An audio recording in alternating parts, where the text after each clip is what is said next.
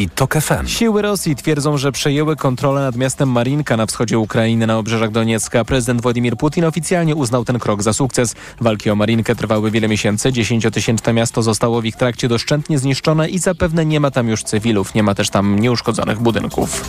Premier Serbii Anna Brnabić dziękuje rosyjskim służbom specjalnym za informacje. Według niej to właśnie Moskwa przekazała Belgradowi wiadomość o tym, że demonstranci sprzeciwiający się fałszowaniu wyborów w Serbii przypuszczą minionej nocy szturm na budynek ratusza.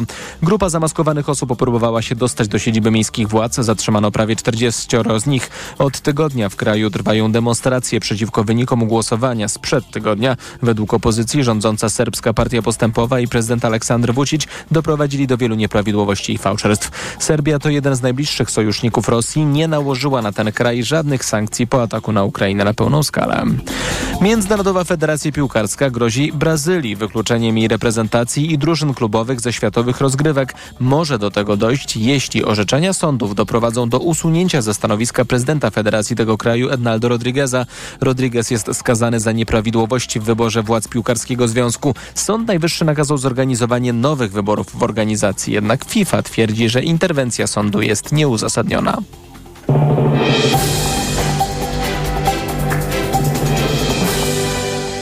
Sponsorem programu jest właściciel hotelu Dolina Charlotte Resort Spa, organizator ferii zimowych nad morzem. Pogoda. W całym kraju będzie padać, do tego na wschodzie silny wiatr, tak będzie i wieczorem i w nocy. Na termometrach wciąż powyżej zera, 1-3 stopnie na północnym wschodzie, 4-5 w centrum, do 8-9 stopni na granicach południowych. Wiatr będzie uspokajał się dopiero jutro. Czas jeszcze na informacje smogowe. Sponsorem programu był właściciel hotelu Dolina Charlotte Resort Spa, organizator ferii zimowych nad morzem. A silne wiatry i ulewy sprzyjają jakości powietrza. W tym momencie żadna ze stacji Głównego Inspektoratu Ochrony Środowiska nie pokazuje, że są powody do niepokoju. Wszystkie pomiary na zielono, a to oznacza, że stężenie pyłów zawieszonych PM2,5 i PM10 w powietrzu jest bliskie zeru. Niewielkie przekroczenia jedynie miejscami w metropolii górnośląsko-zagłębiowskiej w okolicach Katowic i Rudy Śląskiej. Radio TOK FM. Pierwsze radio informacyjne. To, co najlepsze w TOK FM. Profesor Karolina Wigura. Dzień dobry, Karolino. Dzień dobry, Tomku. Dzień dobry Państwu. I doktor Jarosław Kujsz. Cześć, Jarku. Cześć, witaj. Jarek jest w studiu, Karolina jest w połączeniu zdalnym. Chciałem przedstawić Was jako dwa filary kultury liberalnej. Czy Wam się podoba takie przedstawienie? Bardzo dobre przedstawienie, bardzo się, no cieszę, cieszę, ale nie wiem kiedy Filarów mam mówić, bo, bo nie widzę was i A, no tylko tak. wyczuwam, no, kiedy mam się odezwać, ale, ale bardzo mi się to podoba. Tak. no to się bardzo cieszę. Dwa z wielu filarów. no tak, oczywiście kultura cała, liberalna ma wspaniałe... Kompania, kompania wspaniałych autorów, którzy nam towarzyszą. Zgadzam się, zgadzam się oczywiście. E, no właśnie, z Jarkiem też rozmawialiśmy ostatnio o e, The New Politics of Poland, książce, która się tutaj e, ukazała w języku angielskim. Z Karoliną też nieraz o różnych książkach, ostatnio o książce wspólnie napisanej z Tomaszem Terlikowskim, Polka ateistka i Polak katolik, kontra Polak katolik. Rozmawialiśmy, ale oczywiście tych książek macie też więcej na koncie. Pomyślałem, żeby zacząć może od tego, mm, co też stanowiło istotną część rozmowy z profesorem Mikołajko tutaj, czyli od Polski w tych podsumowaniach i od sytuacji politycznej w Polsce. Miejmy to szybko za sobą, weźmy na początek wobec tego. E, co sądzicie o stylu, w jakim media publiczne są w Polsce w tej chwili e, przejmowane przez nową ekipę? Karolino, może od ciebie zaczniemy. No ja bym powiedziała w ten sposób, że e, dobra, wyrażę pewien niepokój, bo e, generalnie rzecz biorąc, e, myślę, że jako obywatele mamy, mamy obowiązek wyrażać pewien e, niepokój. Tak, ja też Otóż, go wyrażałem tutaj wcześniej też. Mm. Tak, to ja, ja e, obserwuję, słucham e, analiz prawniczych. Nie jestem z wykształcenia prawniczką.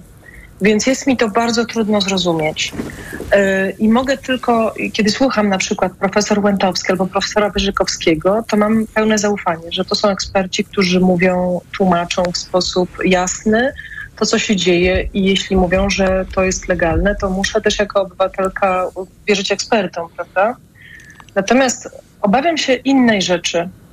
Obawiam się tego, że to naprawienie praworządności w Polsce będzie teraz tak trudne do zrozumienia dla nas, obywateli, którzy albo nie mamy wykształcenia prawniczego, albo nie mamy czasu, żeby zgłębiać e, te wszystkie e, tru, trudne bardzo działania, które są wokół tego wykonywane, że ostatecznie rzecz biorąc będziemy mieć w Polsce e, taką polaryzację, która się zupełnie przestanie już ze sobą komunikować. To znaczy jedni wierzą swoim ekspertom, Drudzy wierzą swoim ekspertom. Jedni mówią, że to, co jedna strona robi, jest legalne, a druga, drudzy, że, że ta druga strona była jednak legalna.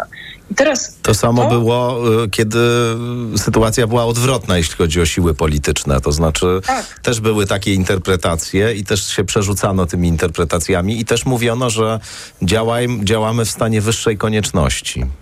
Tak, natomiast y, ja się po prostu zastanawiam, to znaczy stawiam takie pytanie w istocie dworkinowskie, tak jak, y, tak jak Dworkin pyta w tej swojej książce, czy demokracja jest tutaj możliwa, czy jeszcze jest tutaj możliwa, to znaczy czy my, mając nie tylko y, dwie interpretacje tego, czym jest praworządność i jak ona ma wyglądać, ale również dwa systemy właściwie prawne, dlatego że Prawo i Sprawiedliwość stworzyło przecież drugi, równoległy system, to czy na dłuższą metę, w jaki sposób budować w Polsce demokrację? Jak możemy się zgodzić co do tego, że istnieją wspólne instytucje, o które mamy wszyscy dbać?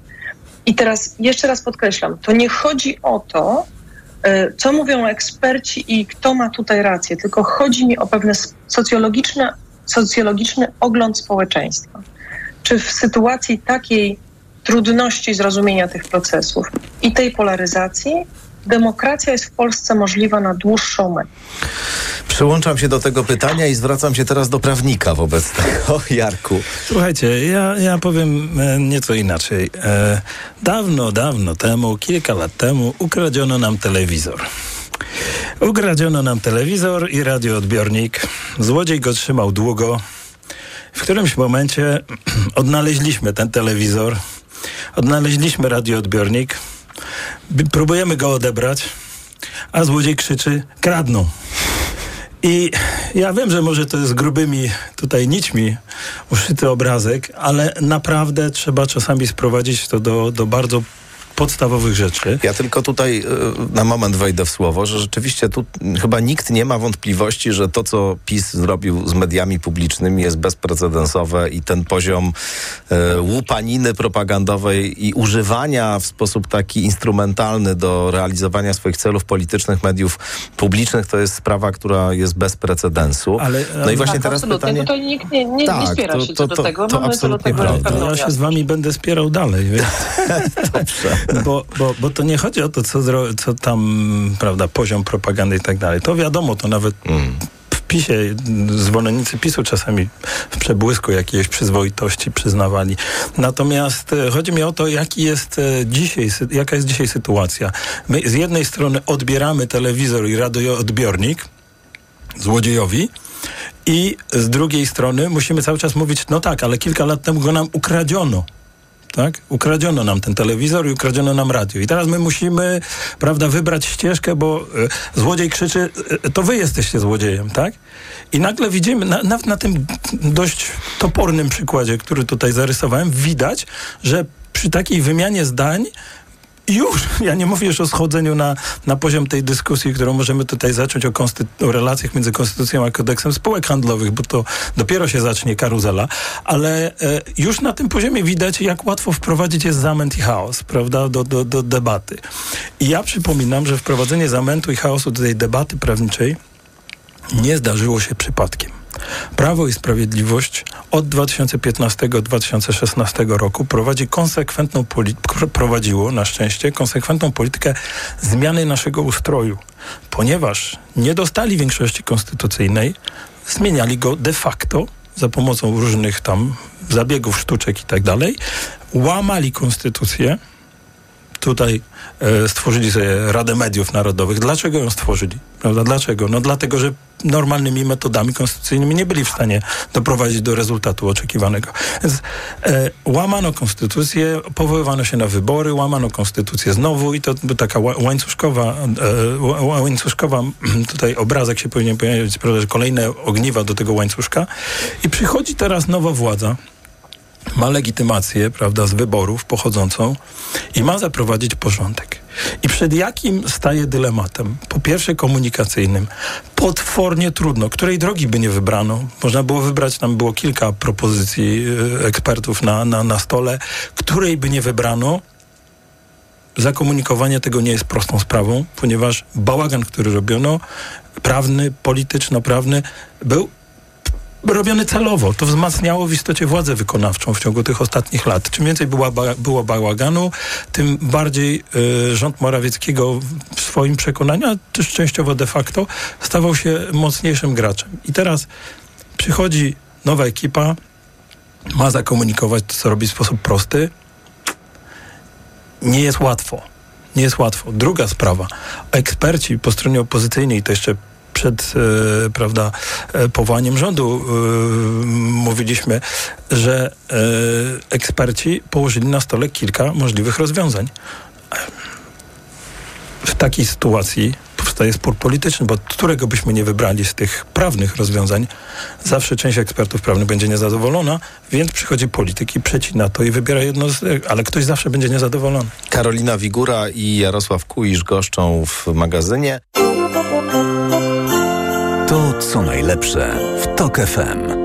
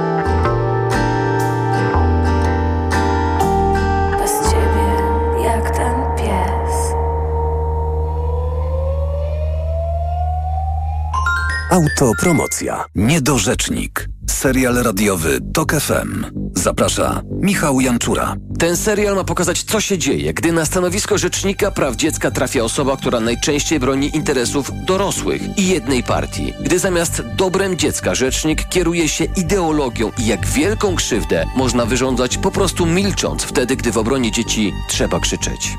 Niedorzecznik. Tylko w TOK FM Premium. Posłuchaj na tokefm.pl ukośnik rzecznik lub w aplikacji mobilnej. TOK FM. Autopromocja. Reklama.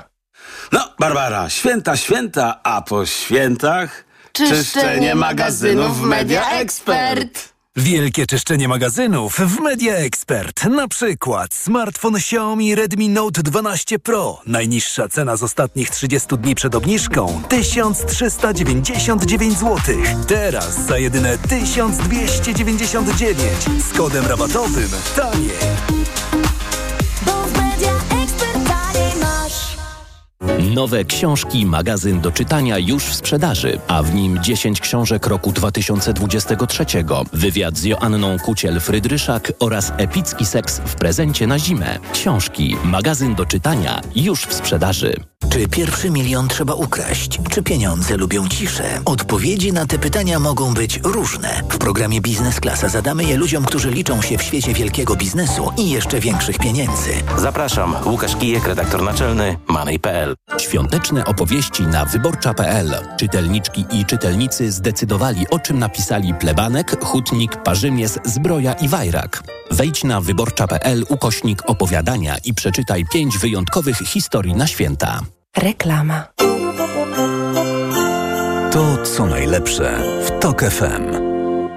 No i jesteśmy ponownie. Karolina Wigura i Jarosław Kuisz podsumowują e, rok miniony, ale też z pewnym wychyleniem w kierunku roku przyszłego, rzecz jasna, tutaj rozmawiamy. E, Karolino, ad vocem jeszcze do tej kwestii mediów publicznych. Zamknijmy już ten wątek może, bo kilka ciekawszych jeszcze też na nas czeka, ale a propos tego, co jeszcze tutaj Jarek mówił, czy trochę twój niepokój osłabł, bo mój nie osłabł, szczerze mówiąc, choć argumentację oczywiście rozumiem. Ja myślę, że tutaj wszystkie najważniejsze rzeczy zostały powiedziane. To Mm. znaczy, pierwsza rzecz jest taka, że przed 2015 rokiem e, media publiczne mogły mieć swoje wady, ale z całą pewnością nie były instrumentem propagandy partyjnej. Tak się stało po 2015 roku.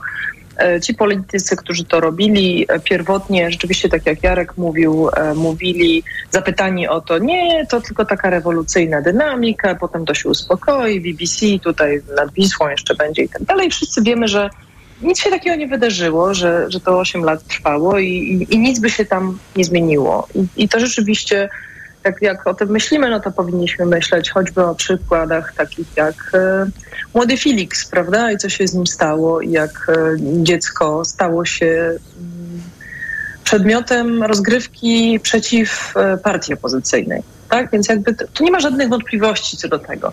Ale właśnie z tego, że PiS stworzył te propagandowe media i że stworzył to, co ja mówiłam na początku, czyli że jest Polsce został wytworzony jakiś rodzaj drugiego obiegu prawnego.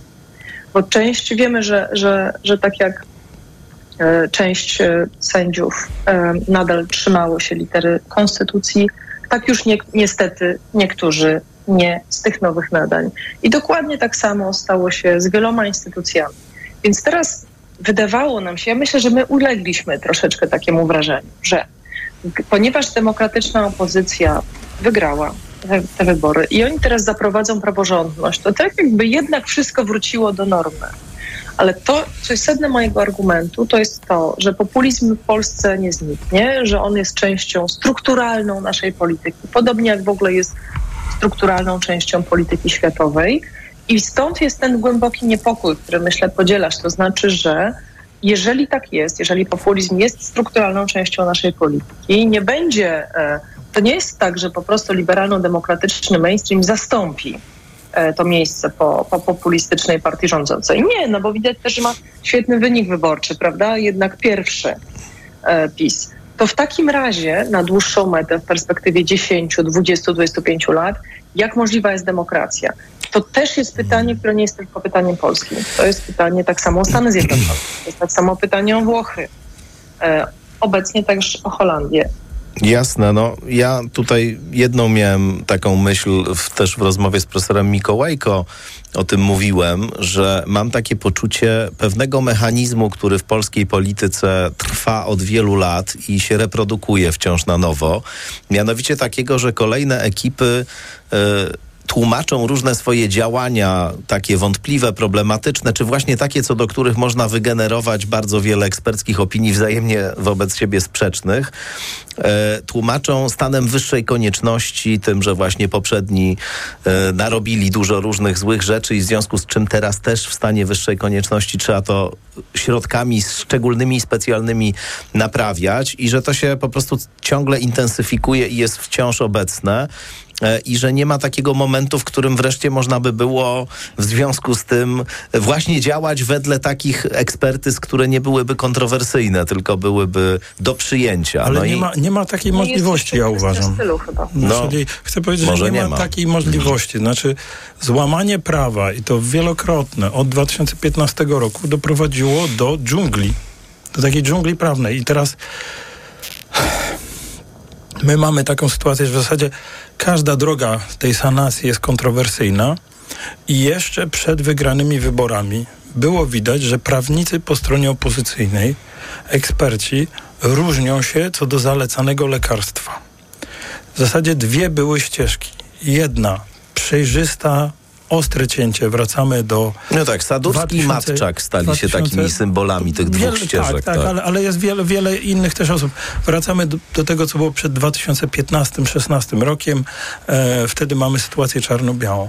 I druga ścieżka pośrednia, szukamy jakichś kompromisowych rozwiązań. Dzisiaj widzimy taką, e, że praktyka, to znaczy sytuacja polityczna, w której się zna, znalazła, znalazł nowy gabinet, skłaniać będzie go pewnie do wyboru nie tej kompromisowej ścieżki, ale tej bardziej radykalnej. Dlaczego? Dlatego, że ona pozwala neutralizować prezydenta Andrzeja Dudę i te pseudotrybunały konstytucyjne i inne instytucje. To nawet jeśli politycy wcześniej deklarowali większe przywiązanie raczej do tej ścieżki kompromisowej, to sytuacja polityczna, w której się znaleźli, będzie ich raczej pewnie spychać w stronę tego e, wariantu ostrzejszego, bo on przynajmniej pozwala przeciąć tu czarne, tam białe.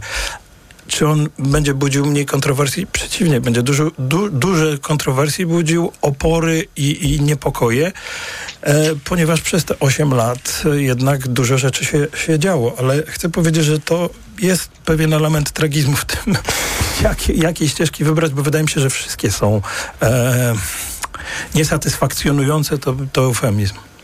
No tak, to jest e, rzeczywiście, mm, to jest rzeczywiście e, prawda wszystko. Ja bym e, jeszcze ewentualnie mm, to skądinąd e, Helsińska Fundacja Praw Człowieka zajęła mm, stanowisko w sprawie tych zmian w mediach publicznych dość krytyczne wobec tego, co, co, się, co się w nich dzieje. No ale to Zostawmy już, bo to rzeczywiście można by długo o tym mówić. A propos dżungli prawnej, to chciałbym nawiązać do tego, co się w Stanach Zjednoczonych działo w ciągu tego roku mijającego.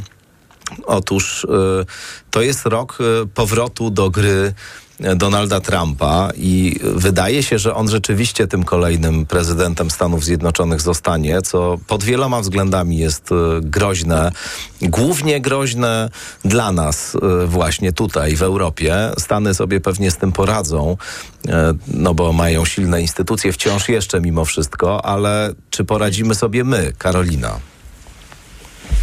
To jest bardzo dobre pytanie. Mm, I, i, i, i powiem Wam, że, że rzeczywiście te Stany Zjednoczone są niesłychanie takim powodem do niesłychanej obawy.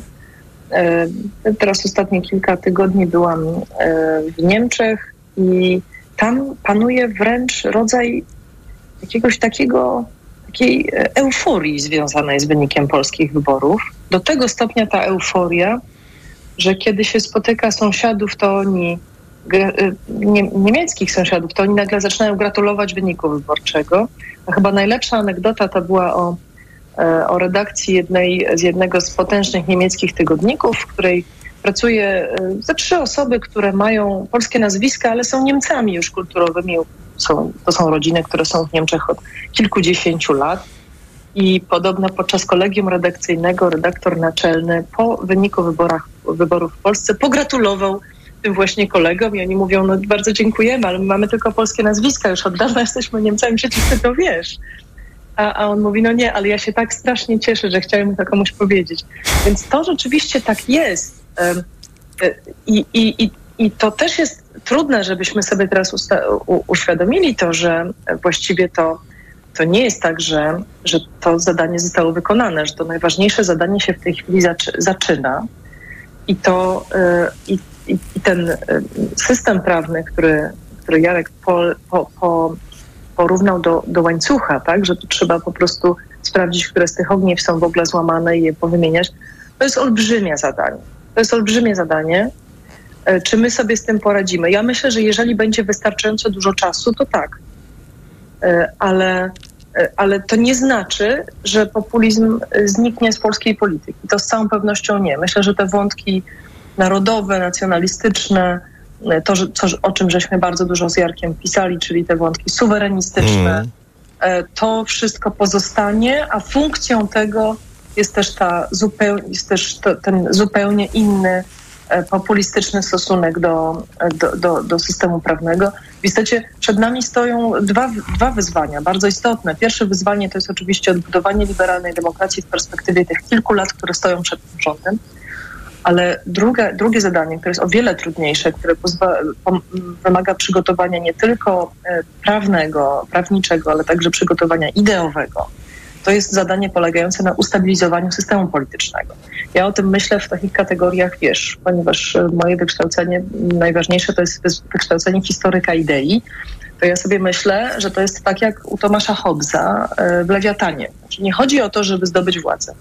Chodzi o to, żeby ustabilizować system polityczny, żeby uczynić e, doświadczenie, przeszł, przeszłe doświadczenie na tyle istotnym elementem myślenia e, obywateli i obywatelek, żeby oni nie chcieli już głosować na populistów.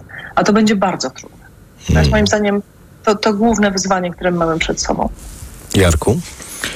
Jeżeli mielibyśmy sądzić po e, sondażach publikowanych, to Donald Trump już wygrał.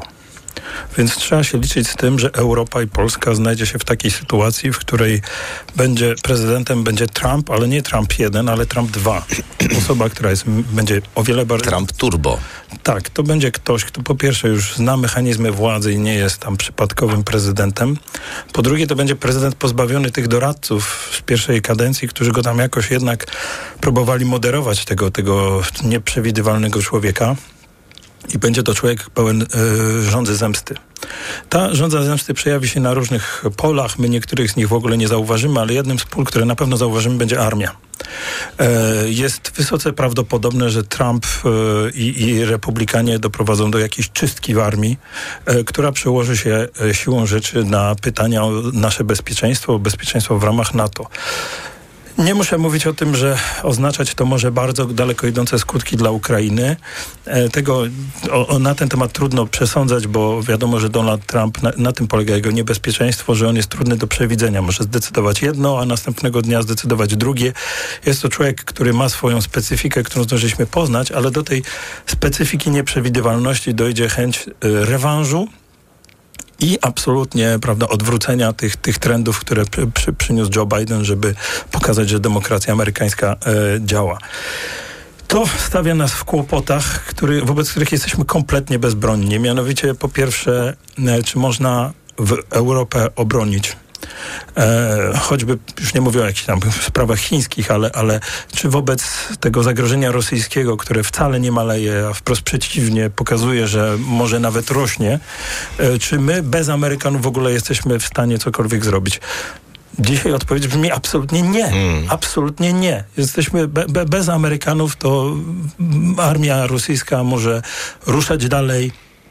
I e, Donald Trump od 2024 roku zagwarantuje nam mnóstwo dylematów, wobec których e, które w zasadzie najlepiej oddaje taki obrazek, proszę wyobrazić, żeby, żeby zdać sobie sprawę, jakie zwroty akcji następują w świecie.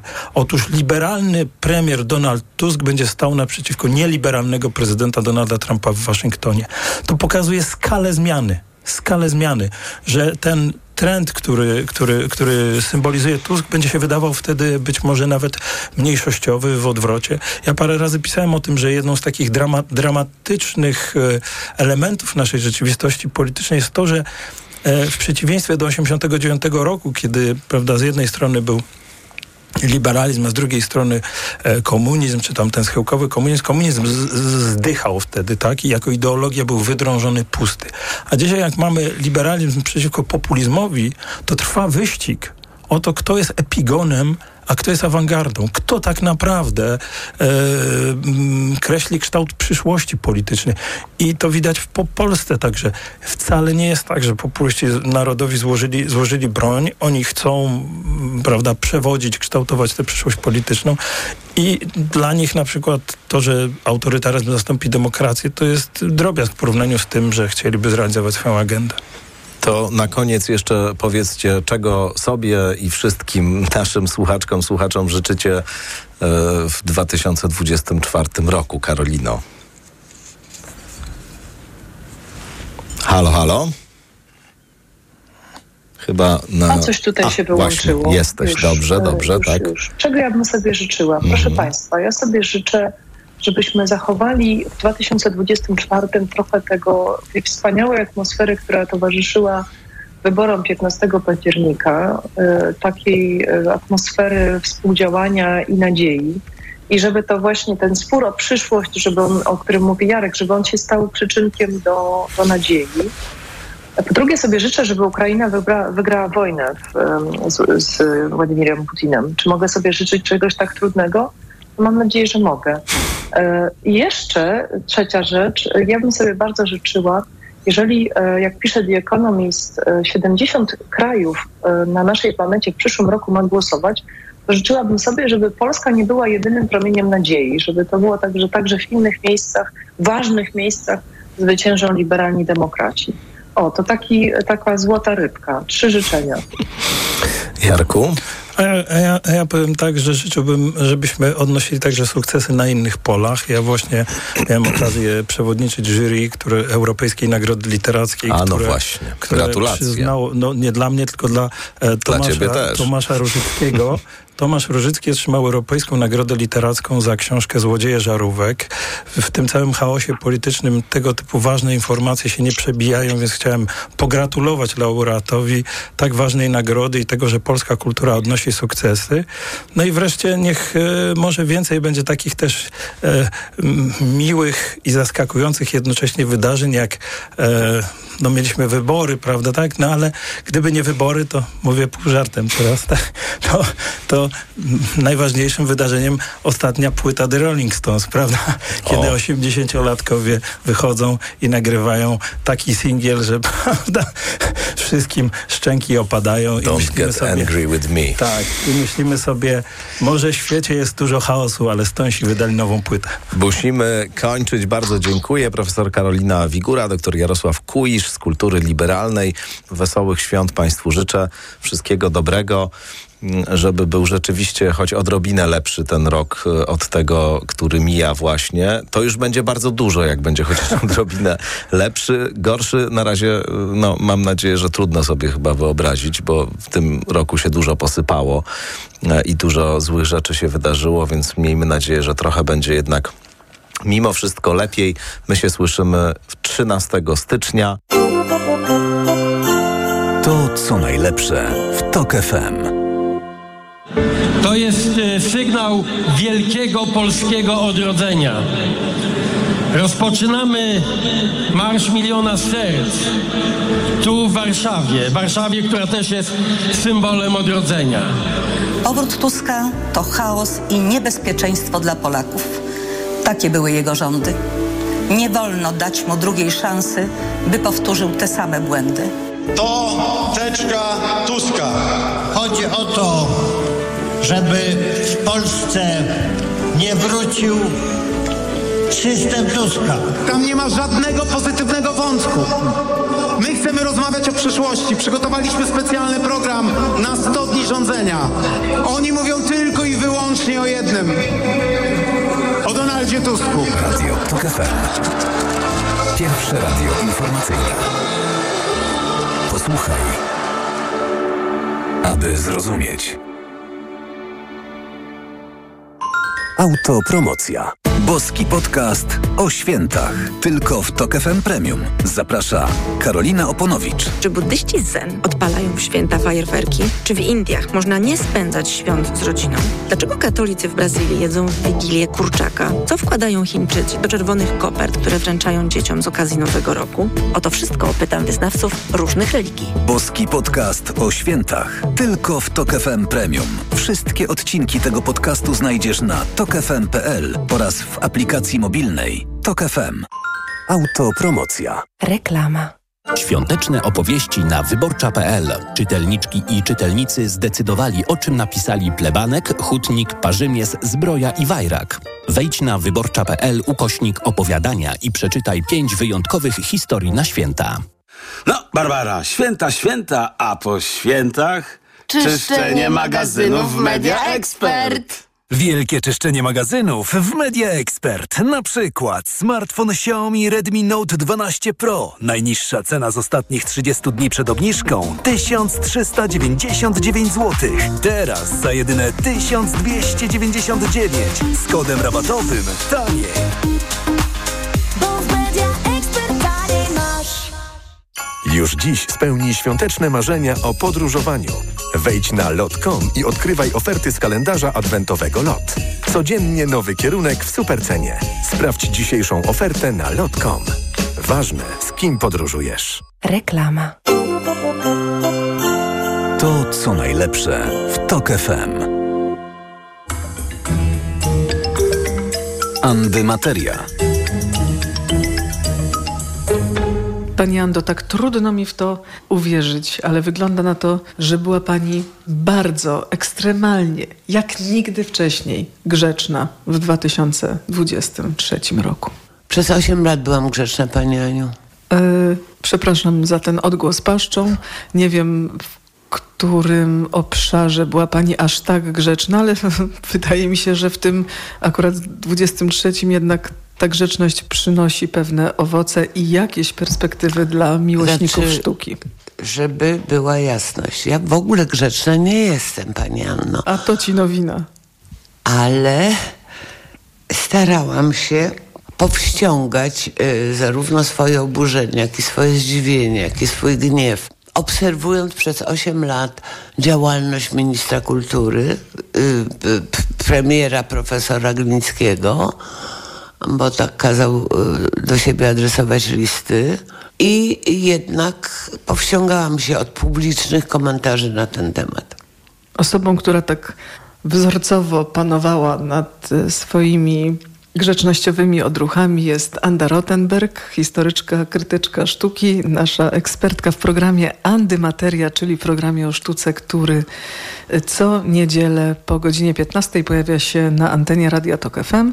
Anna Wacławik, redaktorka Radia Tok FM do tego duetu, podmiotu wykonawczego. Dzisiaj Wigilia i dlatego właśnie mówimy o tym, że y, prezent, że pani Anda oraz y, niektórzy miłośnicy sztuki, bo nie wszyscy jak wiemy, sztuka pojęcie szerokie, dostali od nowej rzeczywistości. Prezent pani ma na myśli. Prezent, tak, prezent, prezent, tak. Cały czas mam na myśli prezent. No paru już dostaliśmy, pani Anno. W... Od 15 października, tak, sporo, ale nie, ten... dostaliśmy głównie od e, 11 mm, grudnia. Bo 15 października oczywiście dostaliśmy e, prezent, na który same się złożyłyśmy. No tak, ale taki prezent też jest okej, składkowy. Składkowy bardzo dobry. Zwłaszcza, skład- że to była bardzo duża impreza. No było nas trochę. No właśnie, a potem konsekwencją e, tego składkowego prezentu są prezenty już pojedyncze, e, które codziennie ogłasza minister kultury, bo to Nowy. jest dziedzina, nowy minister kultury, wnuk e, noblisty Sienkiewicza Henryka. I to są takie poszczególne prezenty, e, dla których y, widzę, niektórzy nie chcą się zgodzić, ponieważ Woleliby dostać inne prezenty. Albo na przykład mieć te, które mieli do tej pory. no, oni mieli zabawki. No, ale mieli... I nie chcą oddać no, nie niektórych chcą. zabawek. Tak, to prawda. Telewizor w dużym pokoju, fajna zabawka. Niektórzy jeszcze to trzymają. Duże czarne pudło. No teraz, Albo płaskie. teraz są LEDy, pani Anno. Ale widziałam jeszcze takie, takie skrzynie. Doniczkę można postawić, na ledzie pani nie postawi.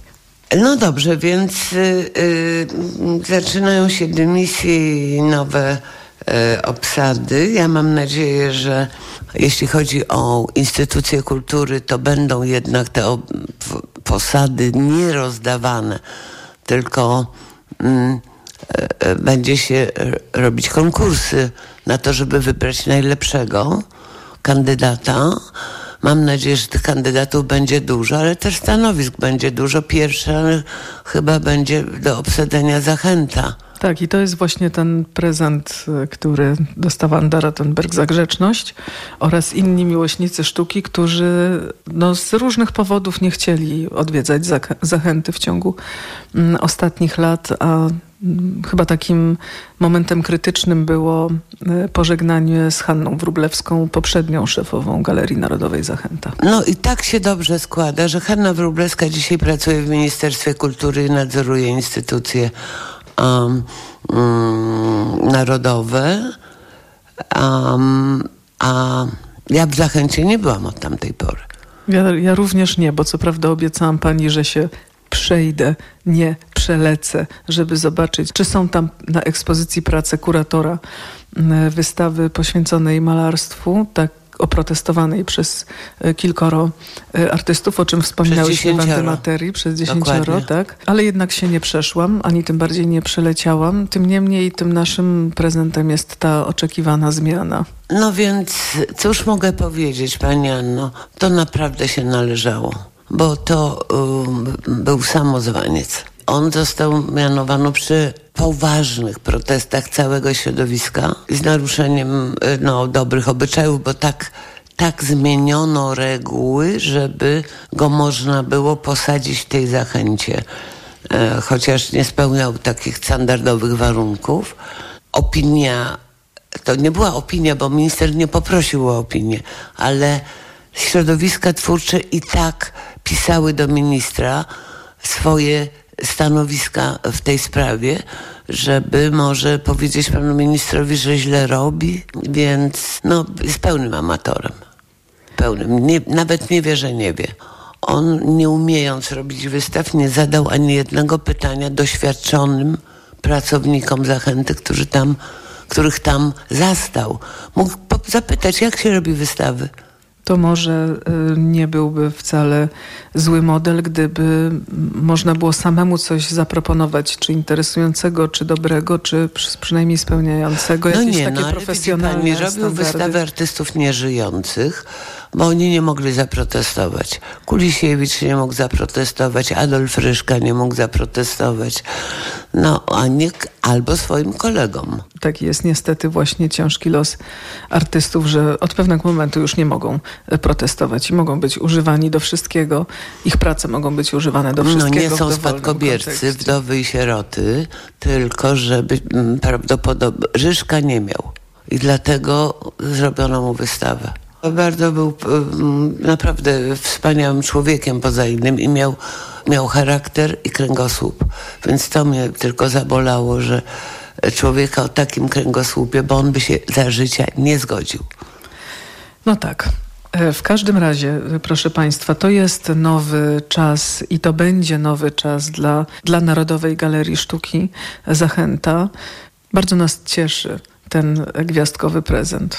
E, No i mam nadzieję, że na Trzech Króli, na które się nie daje prezentów, ale zawsze przyjemniej by było się Wejść zorientować, rok z czymś że fajnym. mamy drugi prezent, czyli zmianę decyzji dotyczącą tego, co pokażemy w Zachęcie, w, w Wenecji, w polskim pawilonie.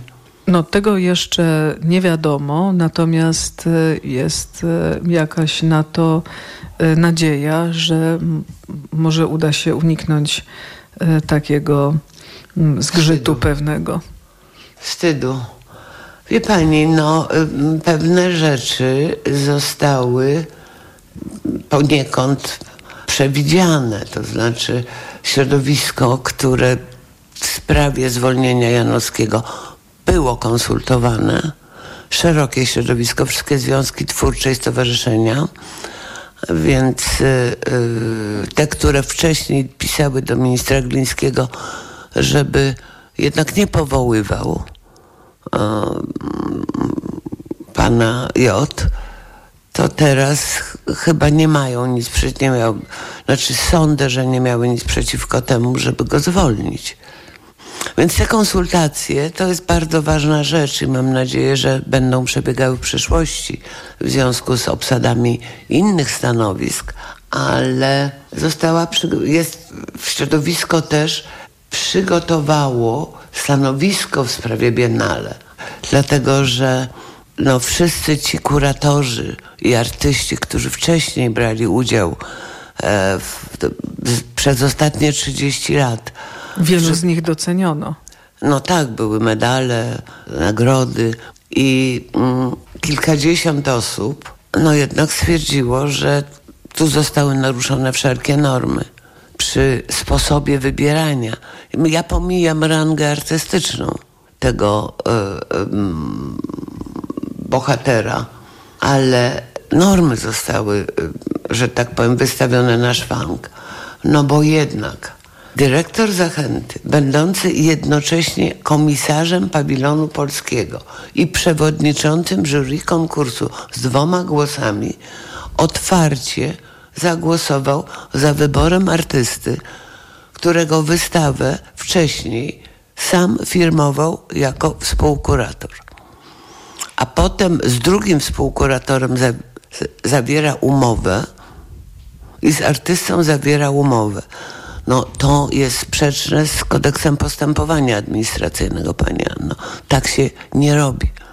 No tak, jak się chce e, coś zrobić, to się robi i się nie ogląda na nic, bo się ma poczucie, że to będzie trwało e, wiecznie i że jakby nic nam za to nie grozi. No i efekt jest taki, że wstyd e, pozostał. Ta decyzja być może No, doczeka pani, się ale zmiany. tutaj jest też, są takie zbiegi okoliczności, że robi to akurat dyrektor Zachęty, instytucji stworzonej przez artystów dla artystów, że robi to w prawie że w rocznicę zamordowania Gabriela Narutowicza. I wbrew tradycji Zachęty, która od tamtej pory stała się miejscem symbolicznego oporu przeciw wszelkim formom faszyzmu, mowy nienawiści, ksenofobii, antysemityzmu i mitom plemiennej tożsamości, które się propaguje, czy bywają propagowane na użytek doraźnych celów walki politycznej.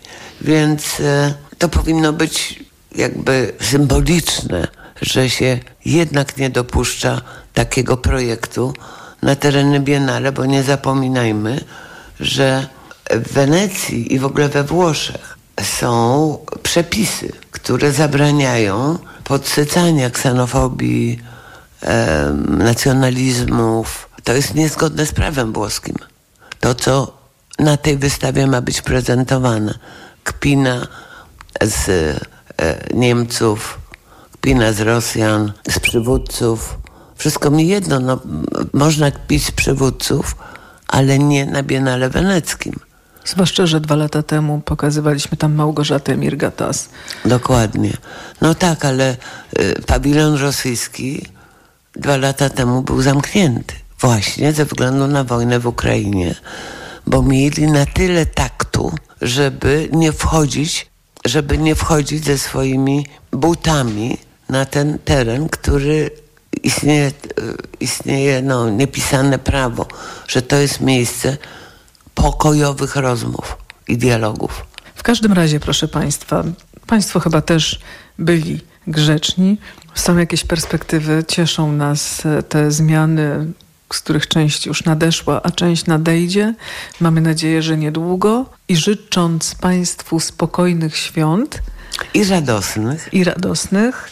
e, Polecamy też wsłuchanie się w to, co Państwa psy i koty i inne stwory mają do powiedzenia dziś w nocy. Anda Rottenberg.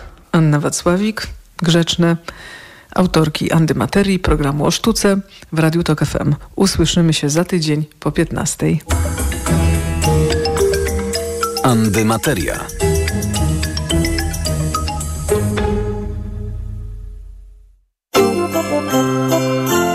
To, co najlepsze w Tok FM. Radio Tok FM. Pierwsze radio informacyjne.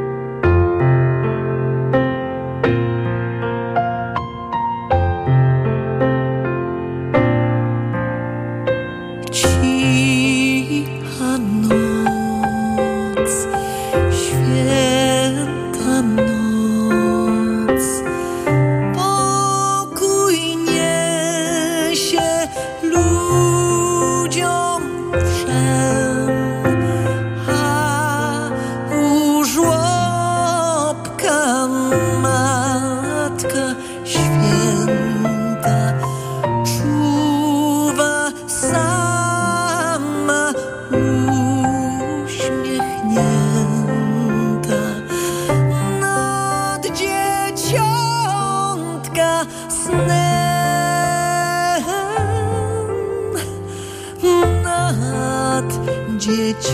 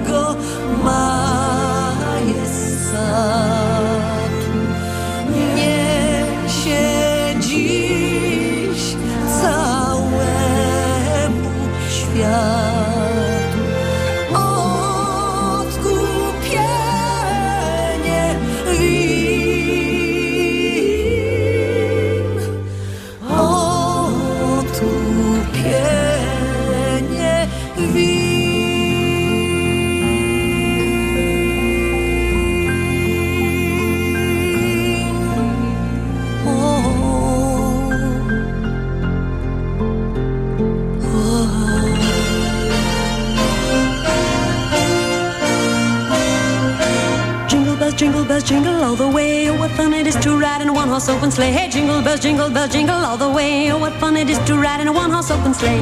We're dashing through the snow in a one-horse open sleigh. All the fields we go, laughing all the way. Bells on bobtail ring, making spirits bright. Oh, what fun it is to sing a sleighing song tonight. Oh, jingle bells, jingle bells, jingle all the way. Oh, what fun it is to ride in a one-horse open sleigh. Hey, jingle bells, jingle bells, jingle all the way. Oh, what fun it is to ride in a one-horse open sleigh.